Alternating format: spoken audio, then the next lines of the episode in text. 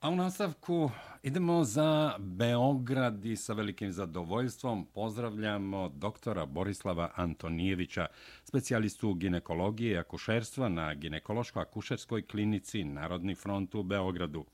Doktor Borislav Antonijević bio je kandidat koalicije Patriotski blok Dveri pokre za obnovu Kraljevine Srbije za gradonačelnika Beograda. Inače je nestranačka ličnost, član političkog saveta Dveri i poslanik u Skupštini grada Beograda. Pored toga, ili rekao bih možda i broj 1 u ovom predstavljanju, član je udruženja lekari i roditelji za nauku i etiku. Pomaže Bog, dobroveče i dobrodošli u Čikago, evo putem radio Talasa. Bog vam pomogao, pozdravljam i vas i vaše slušalce sa velikim zadovoljstvom i velika mi je čast što ste uopšte hteli da se čujemo i da vam kažem, možda i odgovorim na neka pitanja. Da, doktor Antonijeviću, privilegije razgovarati sa vama, ali evo, ponekad stižemo, ne stižemo. U svakom slučaju, hvala vam što ste odvojili vaše vreme i što ćete govoriti za Srpski radio Čikago. Pre svega, molim vas da nam kažete šta je to udruženje građana, lekari i roditelji za nauku i etiku?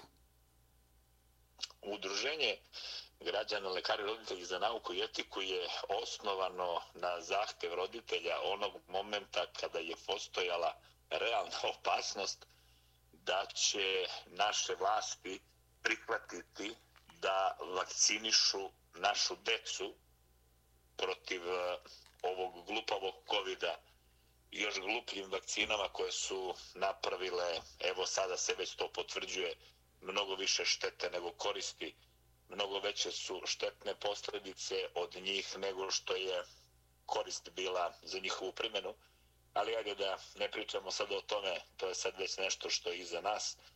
Međutim, posle se tu proširilo učite za sve ono što možemo da učinimo za naše građane, ali iz onog stava prave lekarske struke i prave lekarske etike, da je prvenstveno naš cilj da sprovedemo ono sve što je u korist građana, a prvo i na prvom mestu ne naškoditi.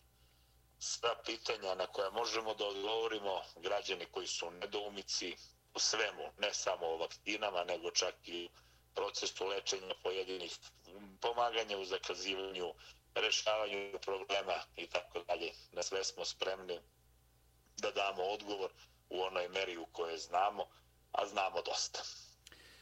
A, doktor Antonijeviću, Veliku pažnju ili kontraverze izazvala je najava predsjednika Srbije Aleksandra Vučića, koji je saopštio da će od 10. decembra žene u Srbiji koje nemaju dece moći da vrše van telesnu oplodnju sa doniranim reproduktivnim materijalom. Taj reproduktivni materijal, vi ćete nam objasniti pre svega šta je to, treba da se uvozi iz Španije. Sa druge strane, A sa druge strane, evo samo da pogledam da ne bih pogrešio. Da, predsjednica vlade Ana Brnabić nazvala je dveri, srpski pokret dveri, a ja srpski pokret dveri i, i, i Boška Obradovića i ljude koji su dverima poznajem, evo, pa rekao bih, verovatno već 20 godina. Znam zašto su se zalagali, zašto se i danas zalažu. Dakle, za promovisanje nataliteta rađanja, pomoć države, e, e, svemu onome što se zove povećanje nataliteta u srpskom narodu ili u, u, u Srbiji. Dakle, da se vratim na Anu Brnabić, ona je oštro reagovala na stavove pokreta dveri, naravno, ja bih rekao da je ovo spin, usmerene protiv populacione politike države i novih mera u podršci nataliteta kroz omogućavanje van telesne oplodnje u Srbiji sa doniranim reproduktivnim materijalom, ali donirani reproduktivni materijal iz Španije. Pa pre svega molim vas da nam objasnite šta je to reproduktivni materijal, kako dveri mogu da budu protiv populacione politike.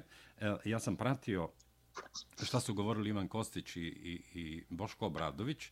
Dakle, oni se ne protive populacionoj politici države, ali se pitaju zašto donirani reproduktivni materijal iz Španije. Ko to proverava? Šta tu sve može biti? Jutro sam a, pratio a nešto što je govorio profesor Branislav Nestorović koji kaže pa po tom sistemu mogu da nam gurnu ko zna šta i, i da odgajamo ovde i, i monstrume i, i da, da ne elaboriram ja mnogo, vi ste specijalista, dakle, ginekologije i akušerstva, pozvani ste da nam objasnite o čemu se tu radi, šta se to dešava? Pa znate šta, e, obzirom kakvi su naši zakoni koji je u rukovodstvu same zemlje, vi dobro znate kakva su opredeljenja ovaj, našeg predsjednika vlade i ovaj, ono što kod nas nije dozvoljeno i po zakonu je zabranjeno da homoseksualni parovi imaju djete, o čemu mi pričamo kada znamo da je ona dobila djete.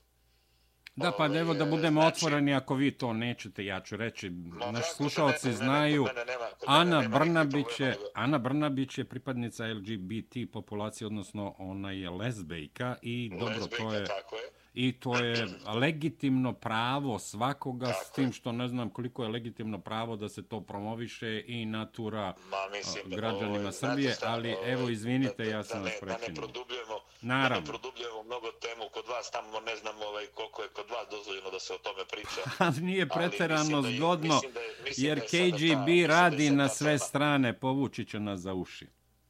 Da, da, mislim da je sad ta tema ponovo aktualna, da su ljudi polako počeli da se osvešćuju, da su uvidjeli ovaj, eh, kako propagacija tog čuda ide i po svijetu i kod nas uh, guraju svuda, guraju serije, filmove, guraju crtane filmove.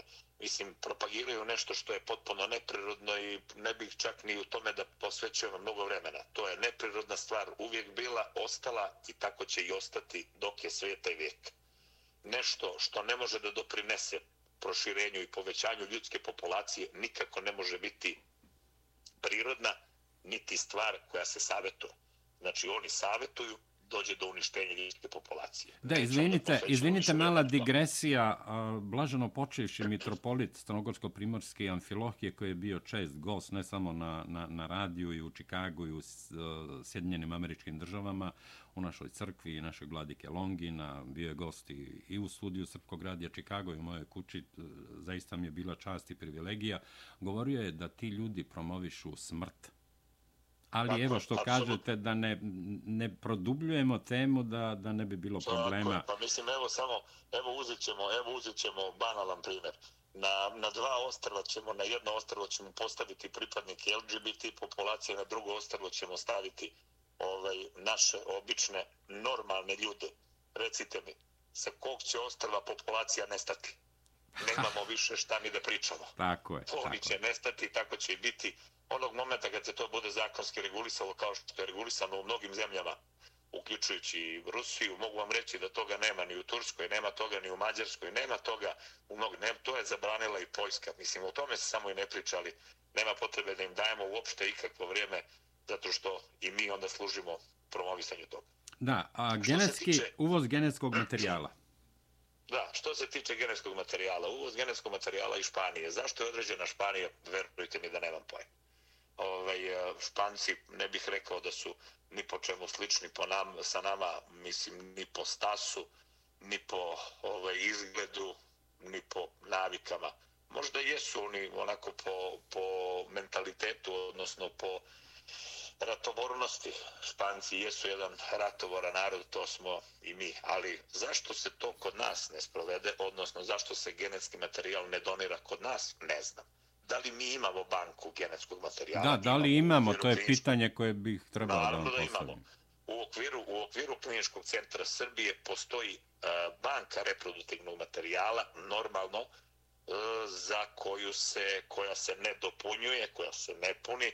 Ta banka reproduktivnog materijala služi za one ljude koji su u programu za telekom oplodnju, gdje se čuva materijal i tako dalje, ali taj materijal se ne može koristiti za druge kod nas ne postoji zakonska regulativa se plaća donorima genetskog materijala. Ono što ljudi ne znaju i ono što njima nije rečeno. E, najveći problem i najveća nestašica je e, ženski reproduktivni materijal, odnosno jajne ćelije. Jajne ćelije se čak i u Španiji čekaju po 6, 7 i 8 meseci. Znači, to niko nije rekao kod nas. E, muški reproduktivni materijal, spermatozoidi, to je daleko dostupniji materijal ovaj, e, i zašto je odlučeno iz Španije, to smo se pravo da vam kažemo i mi pitali. Ono što mi ne možemo da znamo. Mislim, trebalo bi da bude uh, stepen, stepen kontrole tim bankama bi trebalo da bude na nekom zavidnom nivou. Ono što smo mi navikli i ovaj, e, ono što je nama tradicionalno, mi poznajemo naše generacije unazad 5, 6, 7, 8 kolena. U Crnoj Gori se zna čak i do 12, 13 kolena. Ko su ljudi bili, ovaj, šta su radili, čime su se bavili. Jednom, jednom prilikom je neko od naših kolega izgovorio taj tu glupost na, na televiziju, medijima, kao znate šta, to kod nas nije preporučljivo, mi smo mala zemlja, pa bi moglo možda moglo, moglo bi da dođe do ukrštanja istog genetskog materijala, pa mu to dođe kao da iz incesta i tako dalje. To je ortodoksna glupost ovaj, sa ovakvom kontrolom i sa ovim saznanjima kako ide kod nas taj genetski materijal koji se uzme od jednog muškarca se iskoristi za jednu vantelesnu oplodnju i koristi se kontinuirano za tu osobu ako želi više puta. I onda su to braća i sestre po svim linijama. Uh, mi ćemo, ne, ako malo napravimo digresiju, da sada, da sada napravimo ono da ljudima malo to olakšamo u glavi, da nije to baš tolika velika tragedija. Srbija je ovaj, nesrećna jedna zemlja koju su svi napadali, pokušavali da se zadrže ovdje i pokušavali da nas unište. A ja kažem, ako nas nisu Turci uništili za 300 i kusur godina koliko su bili ovdje, neće uspjeti sada ni ovi veštački sa tim genetskim materijalom iz Španije, već se ja nadam da će se ovaj narod probuditi, da će se narod probuditi i da će se malo više potruditi i da će ova država konačno početi da stimuliše ono što je pravo, ispravno, ono što dovodi do očuvanja jedne nacije, do očuvanja naše nacije, koja je u dubokom propadanju sa ovim programima koji oni sprovode. Baš to, baš to mi nije jasno, jer patriotski blok Boško i ovaj, svi ti pripadnici tog patriotskog bloka su zastupnici jedne ideje, a to je unapređenje porodice, vraćanje nacionalnog identiteta. Jeste i mi smo svi tu nacionalisti. I tradicionalnih vrednosti. Ajte, molim vas, ovaj, šta to znači? Sad trebamo da se stidimo toga što smo nacionalisti. Prvo, nacionale potiče iz francuskog jezika i označava čoveka koji voli svoju zemlju, voli svoju postojbinu, voli svoj narod. A izdajnici su ono čega bi trebalo da se stidimo. Žalosno je što kod nas izdajnici vladaju i žalosno je što su kod nas u strukturama vlasti ljudi čiji su potomci klali Srbe. I isti ti ljudi su sada našli sebi za pravo da nazovu nacionalno-patriotski pokret neofašistima i još za to da ne budu kažnjeni. Takve stvari koje se dešavaju kod nas služe samo na sramotu i žao mi je što takve stvari moramo i da prenesemo, ali ja se nadam da će ovaj narod konačno da se probudi pa da će početi da reaguje na takve gluposti. Skupština grada, Skupština Republike se prenosi na ovaj drugom kanalu radio televizije Srbije, znači dostupne svima. To je javni servis i nacionalna frekvencija koju mogu svi da gledaju. Da je ova zemlja iole ono što je nekad bila i da ovaj narod ceni sebe, ma koliko, bar neki deo koliko je cenio onaj kakav jesmo bili, ja vam garantujem da ova izjava što je predsjednik vlade izjavila za patriotski blok ne bi prošla tek tako, već bi se okupile stotine hiljade ljudi ispred Skupštine da vidimo ko to patriotsku stranku naziva neofašistima. Čiji je ona potomak da ona sebi da za pravo da to uradi. Njeni potomci su bili fašisti. Njeni potomci su bile ustaše. To svi znaju. A ona nekoga naziva. Dakle, njima pravo uopšte, to je ono što je pitao Boško, ko dozvoljava i ko je ikada nju izabrao? Šta se dešava s ovim narodom? Po čijem diktatu se ovde radi i zašto se to radi? Nikome nije jasno. Ali znate šta? Svakom čudu dođe kraj. Pa će doći i ovo. Ja se samo nadam da će doći neko vrijeme da će to biti sve mnogo bolje i da ćemo krenuti pravim putem. Da li će nam trebati i koliko će nam trebati vremena, vidjet ćemo, ali bitno je samo da se krene i nadamo se da će to da doći. Da, profesore, odnosno doktore Antonijeviću, a da li je moguće krenuti napred ako ste mi i jutros kad smo razgovarali rekli da su ljudi u Srbiji iznenađujuće kvarljiva roba? Da li je institucija mita, korupcije, potkupljivanja toliko zaživela u Srbiji da je nemoguće iskoreniti? Zašto su ljudi kvarljiva roba u, u, u Srbiji? Rekao bih specijalno u Beogradu. Tu se natovarilo nakaza izvitoperenih, nedostojnih, falš ljudi i sa falš diplomama i sa falš pričama, ali zašto su po vama, jeste mi vi to rekli, to mi je ostalo onako u pameti, ljudi kvarljiva roba u Srbiji, posebno u Beogradu? Pa znate šta, ne bih ja sad bio toliko kategoričan i okrutan prema Srbiji. To su neke zapadne vrednosti koje smo mi usvojili, nažalost. Usvojili smo vrednost da je novac vrednost, a ne ljudska čast i poštenje. Ono što je nas karakterisalo, to je bilo to čojstvo i junaštvo koje je bilo karakteristika srpskog naroda. Da data reč znači reč i da to što se obeća mora da se uradi. Da ne sme da se laže, da ne sme da se uzme od drugoga, da drugome treba pomoći.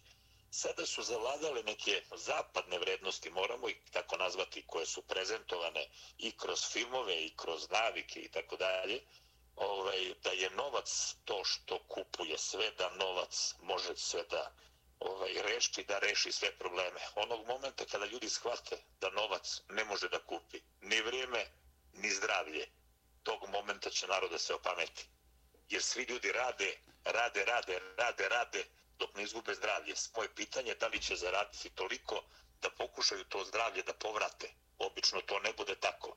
A onog momenta kada napuste ovu zemlju, odu onako kako su i došli. Kako je rekao pametan čovek, go si došao, go ćeš i otići. Da. Tvoje prvo kupanje, neko te je okupao. Tvoje posljednje kupanje, neko će te okupati ovaj svet si došao bez stvari, tako ćeš i otići. Čemu onda ta besomučna trka za još, još, još, još? Zašto je Beograd stecište toga?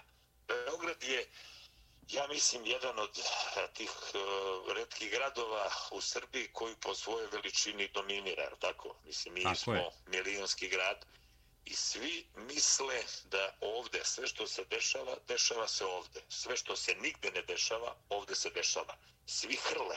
Nažalost, kako su pokrlili i oni koji imaju svoje pravne vrednosti, tako su pokrlili i oni koji ih nemaju.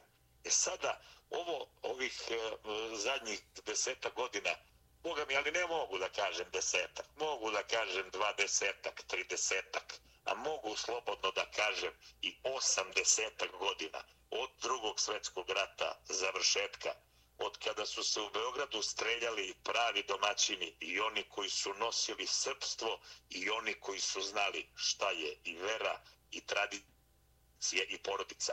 Od kada su oni ubijani besomučno od strane komunista i njihov se grob ne zna i ne zna se ni gde su ni šta su, ni da li su postojali, ni ko su im preci.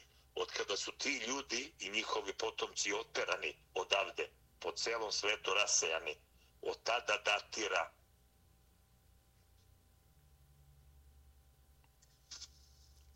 Halo, mali prekid imamo. Halo, halo. Borislave, imali smo mali prekid, izvolite.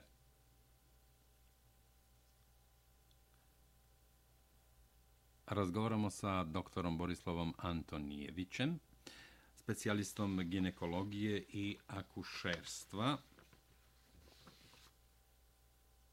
iz ginekološko-akušarske klinike Narodni front Beograd, bivši kandidat koalicije Patriotski blok Dveri, pokret za yes, obnovu yes, Kraljevine Srbije. Da, da, da, evo ja sam ovaj u intermecu ponovo najavio. Izvolite. Znam dokle ste me čuli, ali da kažem, znači, u zadnjih 80 godina datira uništavanje nacionalnog identiteta Srba, na teritoriji cele stare Jugoslavije, a naročito u Srbiji. I mi smo svi toga svesni. Naročito su toga svesni potomci onih ljudi koji su oterani odavde i koji su rasejani po cijelom svijetu. Najviše ih ima u Americi Australiji, mada ima ih i u Engleskoj i Francuskoj, ima ih svuda. Ljudi su bežali odavde jer su maltretirani i bili pod terorom komunističkog režima. I ja sam mnogo puta rekao, dok god se te žrtve ne priznaju, dok god se ne oda počast tim ljudima, dok god se ne naprave grobovi, otvore, naprave spomenici, da njihovi najmiliji mogu da dođu da im odaju počasti, da im sveće zapale, njihove duše mir neće naći, a mir mi nećemo imati koji smo ovde. Jer samo to odbijanje i nepriznavanje tih žrtava je veliki greh pred Bogom. Onda se čudimo zašto nam se mnoge ružne stvari dešavaju. Pa kako da se ne dešavaju? Kako reče naš patrijarh Pavle, kad su ga pitali, kaže, vaša, vaša svetosti, kaže, kada će nam biti bolje? Pa kaže, kada budemo bolji, djeco. Mi moramo prvo da budemo dobri za sebe, da bismo bili dobri za drugi. Ali u onom smislu da ne naškodimo drugima. Nažalost, sada je krenula neka tendencija daj bitno da je meni dobro, nema veze što mom komši ne valja ništa. Ne može to tako ako je meni dobro, hoću da bude i njemu dobro, zato što ćemo onda obojica da uživamo. Ne znam uopšte šta je krenula ta jagma tolika za tim novcem. Kao da će, nemam pojma šta da se radi. To ljudi teže za nekim milionima, kamionima, avionima. Šta vam je narode? Onog momenta kada vidite šta su prave vrednosti, tog momenta se ljudi osvešćuju i krenu pravim putem. Mogu da vam kažem da je sada u zadnje dvije, tri godine tendencija povratka ljudi crkvi. Ove, ja gledam ovdje kod mene u Jajincima kada sam došao pre nekih 12 godina na liturgiji nas je bilo po 10. 10 kad nas bude, to bude onako iznenađenje. Ove, pa ostanemo posle liturgije, stanemo, pričamo i tako da.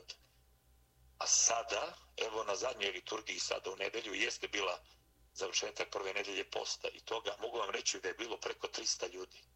I na svakoj liturgiji je sada tako. A Hvala nažalost, evo, evo taj hram, evo taj hram Svete Vraće Čirilo i Metodije koji se nalazi u parku, u spomen parku Jajinci, gde je 120.000 ljudi streljano za vreme drugog svjetskog rata, od toga preko 80.000 srpskog življa. Taj hram se ne završava, zato što nema sredstava, mogu da vam i kažem da jajinci imaju preko 30.000 stanovnika. Kada bi svako od stanovnika dao po 10 dolara, to bi bilo 300.000 i mi bismo ga završili. Nema želje narod da završi. Ovaj narod je skuvan. Znate onaj efekt kuvane žabe? Da. Kada, ovaj, kada žabu stavite u hladnu vodu i pustite polako da se voda greje, žaba se ne skuva, žaba se skuva, a to i ne osjeti. To se desilo sa ovim narodom. E, mi se više ne mi se više ne sablažnjavamo kada čujemo da je otac silovao čerku, da je ovaj očuh silovao pastorku godinama. To više nisu strašne stvari. To je nešto što bi ranije, kada narod čuje, to bi izašli na demonstracije da se taj čovek, da, da mu se smrtna kazna da se osudi. To je strašno. Ali vi sada imate te filmove gdje su to normalne stvari, gdje ljudi kasape jedne druge, ubijaju se.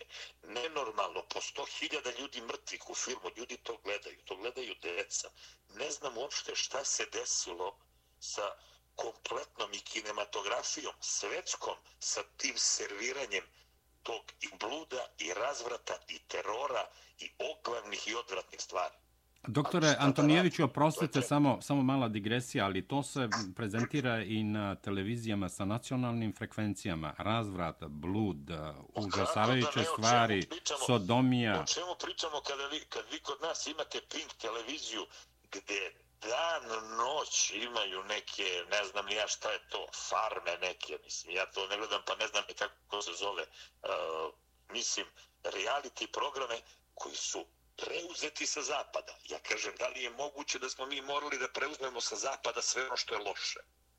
Zašto nismo preuzeli nešto što je dobro? A ima mnogo toga dobroga. Pa ima, pa naravno da ima. O čemu pričamo mi? Tehnološki razvoj, sve smo mogli mi to da uradimo. Šta mi kao jedini nemamo novca? Ne, nego mi novac ulažemo u pogrešne stvari. Postoji neka onako informacija, ne znam koliko je proverena, da je od 80. godina iz Srbije iznešeno preko 500 milijardi eura. Ljudi, da li znate vi koja je to količina novca? To je potpuno nenormalno. Zašto nam se ljudi ne vraćaju iz dijaspore? Pa zato što ovde nemaju sigurnost. Pa nema poverenja, ljudi, ljudi ne veruju više nikome i nikome. Nema, pa ljudi, pa sve... Pa evo ja vam kažem, kako da se osjećaju potomci porodica ljudi koji su streljani posle drugog svetskog rata, za čije se žrtve dan danas ne zna da su postojale, niko nije priznao. Ljudima je potimana imovina i raspodeljena komunistima. I od drugog svetskog rata to do dan današnjeg niko nije razrešio. I ti procesi restitucije idu jako sporo i tako dalje. Ako se desi da je ta kuća dodeljena nekoj faci i tako dalje, ona neće biti vraćena ti ljudi će biti maltretirani i oni ne žele više ni da se vrate. O čemu mi pričamo? Ljudi, mi moramo da povratimo istoriju i moramo da povratimo ono što je bilo naše tradicionalno. Ono što su bili naši običaji. Oni su sve to uništili. Da li to može da se vrati? Ja mislim da može. Iskreno mislim da može. I mislim da je ovaj, eh, Srbija na putu vraćanja crkvi i veri, a kada se to bude ovaj, eh, kada se to bude, kad taj, kad taj put bude utaban i bude dosta ljudi krenulo, vidjet ćete da će sve biti bolje. Da, a, doktore Antonijeviću, m, još jedna vaša rečenica ostala mi je jutro su pameti. Govorili ste o kadrovskoj politici, o političarima i ljudima koji odlučuju u Srbiji, To su ljudi uglavnom koji nikada ništa i nigde nisu radili, bavili su tako se je, samo tako, politikom, tako. a vode državu. Kako tako je vode? Evo, izvolite. pa kako je vode, pa to su svi videli. Znate šta, neverovatna je stvar da vi imate ljude koji su u politici decenijama. Pa 30 ja godina samo, i više znam neke. Ja samo, ja samo ne razumem narod. Vi imate iste ljude koji su decenijama prisutni u strukturama vlasti. Decenijama se ništa ne dešava na bolje. Tako je. Kako je moguće da narod i dalje glasa za njih? Ali sad mi recite vi ovako. Evo, da postavimo pitanje slušalcima. Da li je moguće da birač izađe na izbore i da glaca za jednog čoveka kome veruje, a ne zna ko je na listi tog čoveka ko će biti u Republičkoj i u Gradskoj skupštini. Jer se glasa za listu, ako se razumem. Glasa se za listu, a ne za, za pojedince. Da, ali je nosilac liste jedan čovek. Da, da da li se nekada desilo da je na nekim izborima neka lista objavila CV-e svojih članova? Da se zna ko su ti ljudi. Jer vi imate u politici ljudi, koji, ali ne jednog, ja mislim da 90% političara nikada ništa u životu niti je radilo, niti je uradilo, osim što su se bavili politikom. Meni bi preduslov bio da u politiku može da uđe čovjek koji se minimum 10 godina uspešno bavio poslom u svojoj struci. Može da bude i privatnik. Još bolje ako je privatnik. I po meni bi mesto i u Saveznoj i u Gradskoj skupštini bilo bez plate i bez naknade.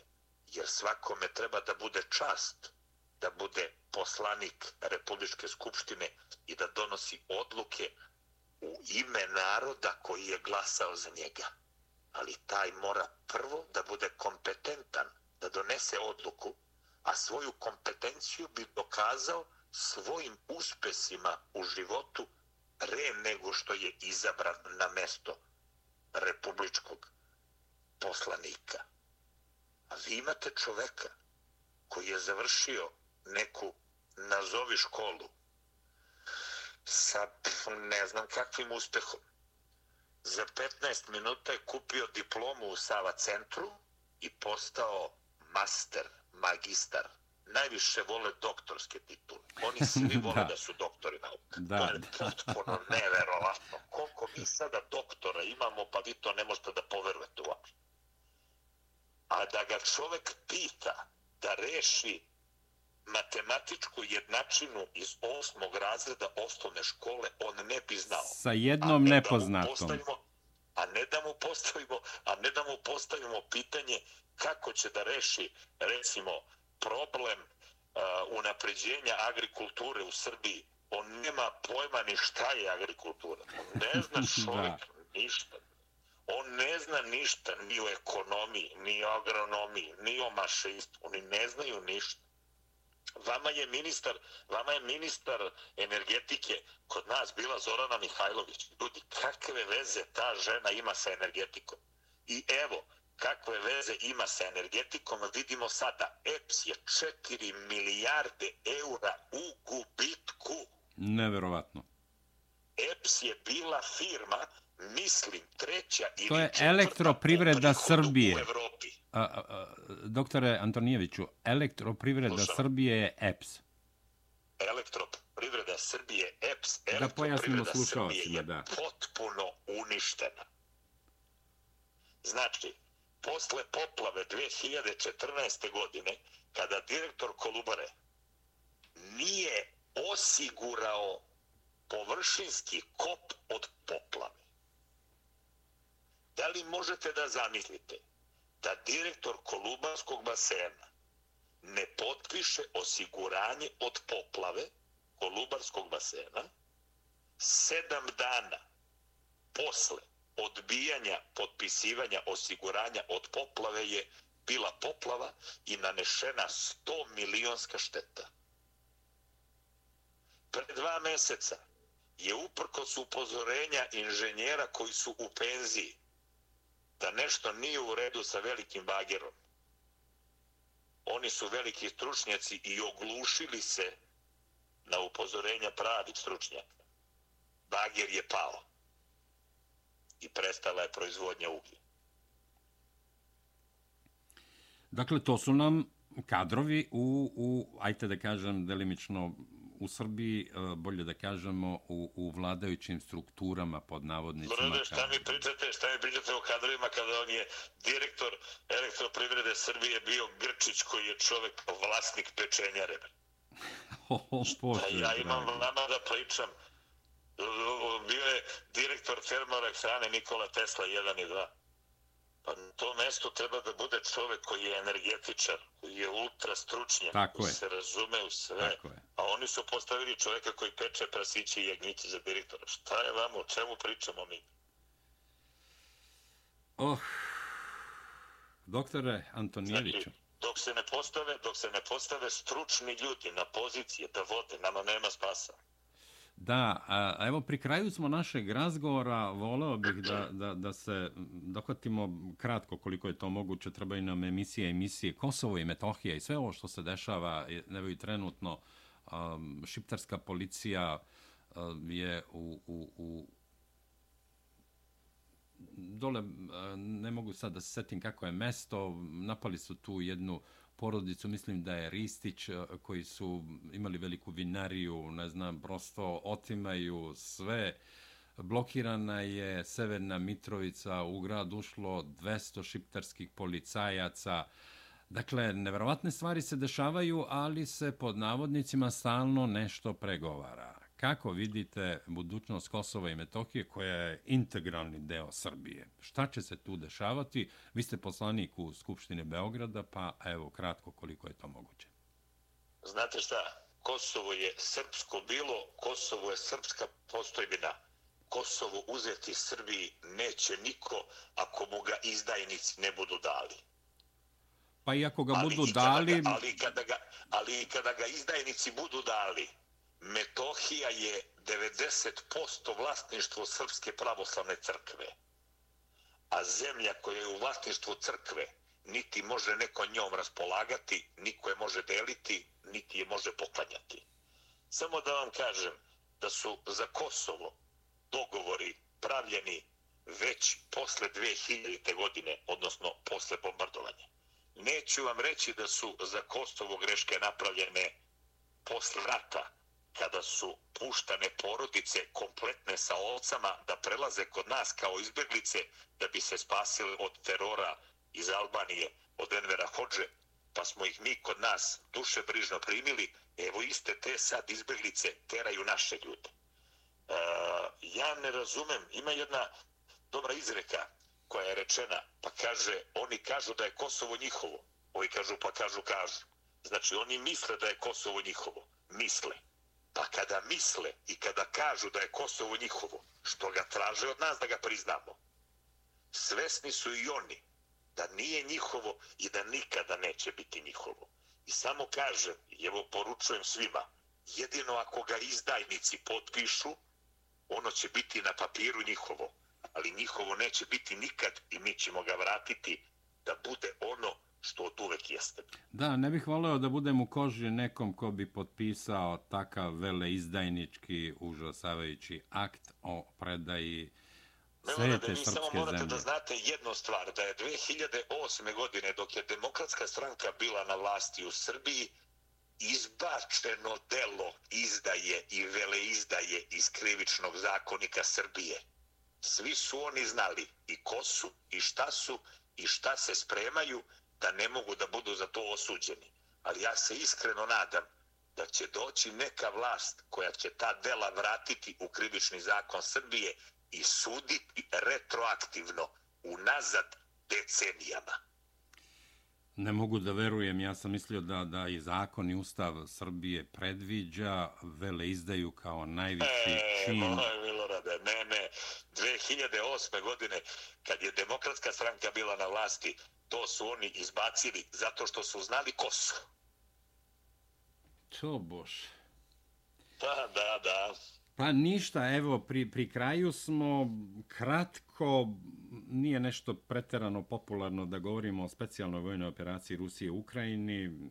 Tamo se ratuje, tamo gine narod, tamo mi smo preživljavali ratove na prostorima Srbije, bivše Jugoslavije. Dakle, neverovatne se stvari dešavaju. Naravno, to nije rat između Rusije i Ukrajine, nego između Zapada, odnosno NATO alijanse i, i, i Rusije. Pa, evo, kratko. Tako je. Tako kad je u pitanju ta specijalna vojna Ove, operacija, sam, kak, šta očekujete? Da kažem, baš sam to htio da kažem, ako neko zna nešto o ratu, to zna srpski narod. Tako ako je. je nekome rat zla naneo, naneo je srpskom narodu.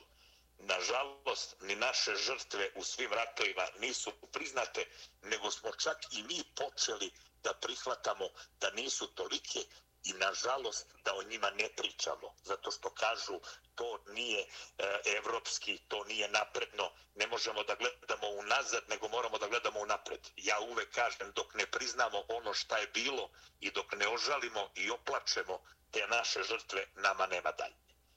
Velika je tuga, velika žalost za svaki rat koji se bilo gde dešava posebno što se rat dešava između bratskog naroda. Ljudi to ratuje isti narod, to ratuje ruski narod. Ne postoji ukrajinski narod, postoji ruski narod. Zato što je to sve bila Rusija. Rusi su naša braća i Ukrajinci su naša braća.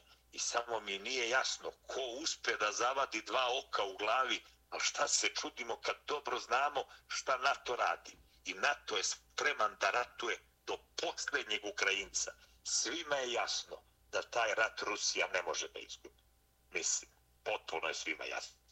Samo će biti ovaj, ono što nam je nepoznanica, koliko će žrtava nevinih biti i sa jedne i sa druge strane. Znate koliko je ovaj, Ukrajinaca i Rusa došlo u Beograd? Preko 250.000. O Bože, da li je moguće? Ne možete da verujete. A oni su i podigli i cene i zakupa i cene nekretnina u Srbiji i tako dalje. To, ali ne možete verovati kakva se to besna kola vozi. To ne možete da zamislite. To su sve automobili 60.000 plus. Pa čak ima i do 300, 400. Rolls Royce-ovi, Bentley, čuda ludila. Ne možete da verujete. Znate šta kažu pametni ljudi? U svakom ratu država daje topove, bogati daju volove, običan narod daje, daje sinove, kada se rat završi, Država uzme topove, bogati naplate volove, a običan narod traži grobove. Samo kada bi narod to shvatio, da je u toku rat između ljudi koji su braća po krvi, po naravi, po veri, a ratuju zbog ljudi koji se nikada nisu ni videli, ni upoznali, niti se poznaju, nego samo ih neko drugi gura. Onog momenta kada bi se narod osvestio, rata ne bi bilo. To je vama svima jasno i ja se iskreno nadam da će to zlo da stane i da prestane.